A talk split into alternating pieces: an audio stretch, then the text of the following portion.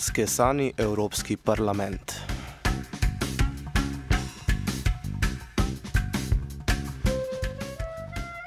Evropska komisija, Evropski parlament, vlade držav članic. Vse so bile v letih 2008 in 2009 gluhe do kritih nasprotnikov direktive, ki do leta 2020 zahteva najmanj 10 odstotni delež obnovljivih virov energije v prometu.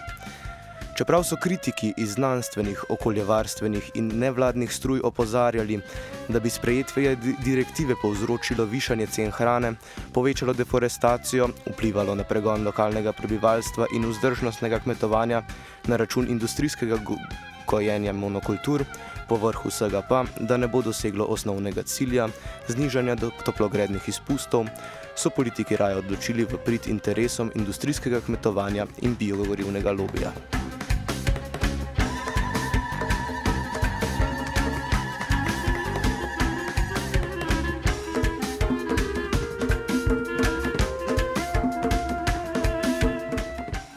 Po šestih letih veljave je Evropski parlament vendarle omejil porabo biogoriv iz polščin v prometu. Desetodstotni cilj do leta 2020 je znižal na 7 odstotkov. Članice pa pozval naj ta delež še znižajo, če lahko. Trenutni delež biogoriv med gorivi, ki jih koristijo vozila, znaša približno 5 odstotkov. Kako na odločitev parlamenta gleda predstavnica Evropske zveze okoljevarstvenih organizacij European Environmental Bureau Faustine Defosse? The deal that has been uh, voted yes, yesterday uh, in the in the parliament is far from perfect. However, it's a strong political signal that third generation biofuels, land based biofuels, are not the solution to the fight against climate change. And that is what is important for us. But if you look at the content of the deal, it is not going to be, uh, I mean, a tailored solution to, to the problems we, we are facing with, with biofuels.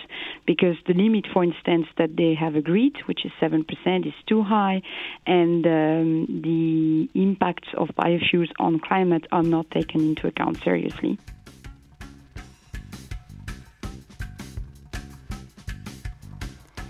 Zakaj so se oblasti odločile za spremembo politike? Spregovori Robbie Blake iz Friends of the Earth Europe. Biofuel markets have disappointed, um, and that's partly because they are quite expensive as a as a fuel, and and it's not economically efficient, but also because of the um, of the environmental and social concerns around uh, around biofuels, which means that biofuels are not achieving the objectives um, about reducing climate uh, climate changing emissions that they were supposed to, and therefore, uh, yeah, they they're counterproductive. Defosse opozori, da je poglaviten problem, poleg tega, da ne dosega osnovnega cilja, sprememba namembnosti kmetijskih površin. When you're growing um, crops for energy, for fuel, you are using agricultural lands for energy and no longer for food. And the problem is that you're then lacking uh, agricultural lands for growing food. So what's happening is that you're displacing food production somewhere else. And we have seen that with the you know boom of, of biofuels production and consumption, we starting we are starting um, importing a lot of palm oil for the for compensating the loss of uh, rapeseed uh, oil that we were using for food before in Europe. And this is this so-called indirect land use change, these indirect impacts of biofuels.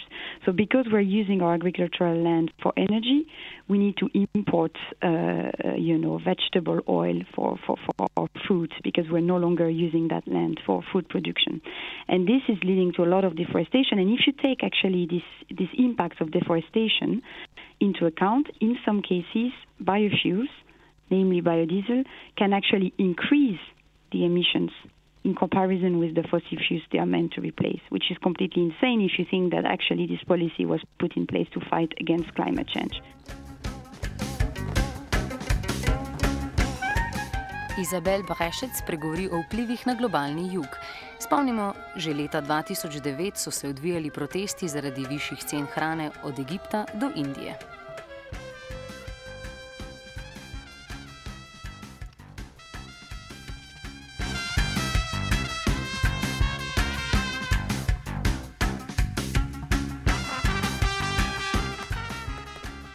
The impact in the south um, is a, are many actually. One is on the uh, food price, and, and and that's what you said. In 2008, we already had a, an important um, food crisis. There are still um, many many people who are hungry uh, in the global south, and so uh, using food to produce fuel uh, is of course not a sound policy.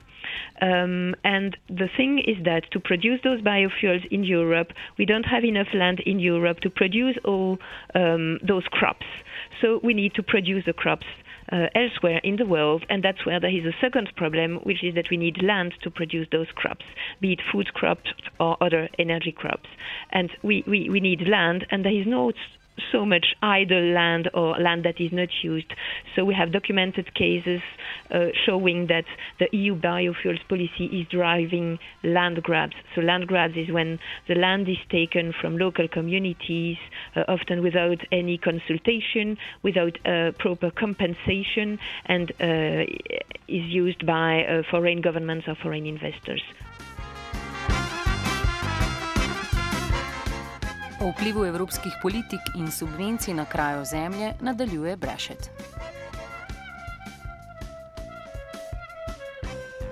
Ourselves in Europe, we also have responsibilities. Our governments also have responsibilities not to adopt policy that incentivize land grabs. And biofuels, uh, the EU biofuels policy is one of those policies that incentivized land grabs um, because it was pushing investors towards uh, buying or leasing big areas of land to grow those crops that were then imported in Europe and uh, heavily subsidized uh, because this uh, uh, EU policy also involved 6 billion a year subsidies for the biofuels industries in Europe.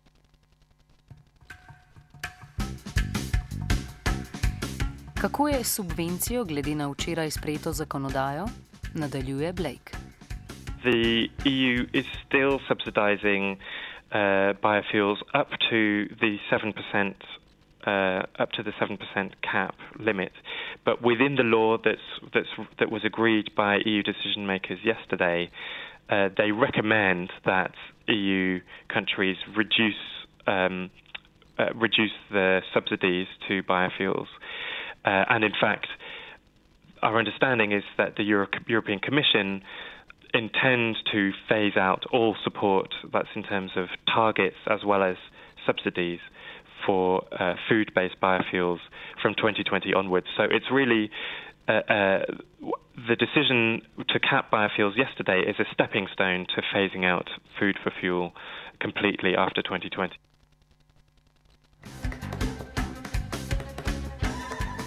Blake spregovori o trendu biogoriv na globalni ravni. What happened back in 2008 was that uh, the EU, in parallel with the USA, was really leading this kind of international trend in terms of um, giving big support to biofuels, and that was partly as a result of wanting to support industrial uh, farmers and, and industrial agriculture.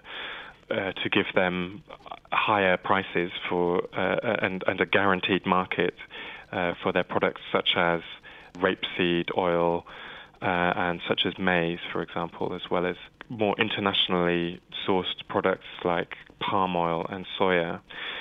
So, with the EU setting uh, and the US, but especially the EU setting these targets in 2008, it had very big effects on international commodity markets, particularly um, sourcing products or sourcing agricultural um, commodities from Indonesia, from Malaysia, from Argentina, from Brazil, in order to source uh, our biofuels. In addition to that, there were, I think, after the first uh, support from the USA and the EU, also Brazil, I should mention, um, a whole number of other countries. Uh, so far, studies have counted about 64 countries around the world who have since then introduced uh, their own policies to support biofuels. But a lot of those are not being met, and um, it, it seemed to be a kind of fashionable trend, essentially, for a lot of policymakers um, led by led by the European Union. But actually, what what I think is happening now is that with the EU recognizing that it made a mistake uh, with uh, supporting uh, biofuels so much now, then I, I, think that will be noticed um, and and and might well have an influence uh, on n- numerous other countries around the world. Defose zaključi s kritiko evropskih oblasti, ki med sprejemanjem direktiv leta 2009 niso prisluhnile pomislekom, same pa niso izdelale raziskav učinkov. A lot of voices were, were there and were saying biofuels are not the solution. They might have a lot of problems with indirect land use change, with sustainability. Be careful. Do not, uh, uh, uh, you know, promote this technology because it might actually backfire. And there we are, five years later you know, even six years later, actually, the Commission is now finally revising it, but uh, timidly, let's say. Why? Because, you know, a lot of investments have been made. There was a lot of pressure from the biofuels industry not to change anything and to continue business as usual until 2020. So, um, I mean, this, this, this policy shows really that, you know, now that we are discussing also our climate and energy policy post 2020, because as you know, there is a lot of discussion around climate and energy package for 2030. We really have to think twice before we actually set something, set uh, some goals, you know, into legislation, whether these things are actually sustainable or not. Because then once, you know, you put uh, legislation in place, it's always very difficult to actually uh, change it, even though it is proven by the scientific community that this is, uh, you know, not delivering the goals of the policy. Even though a lot of local community actually are in trouble because of land grabbing, even though it is putting pressure on on the prices of food commodities worldwide, etc., etc., it was actually very difficult to revise it. It it took it took five years for for you know decision makers to actually uh, uh revise this uh, broken policy.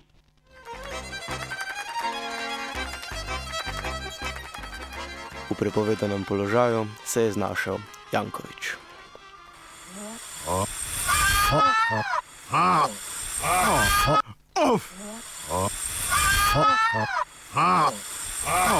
Offside.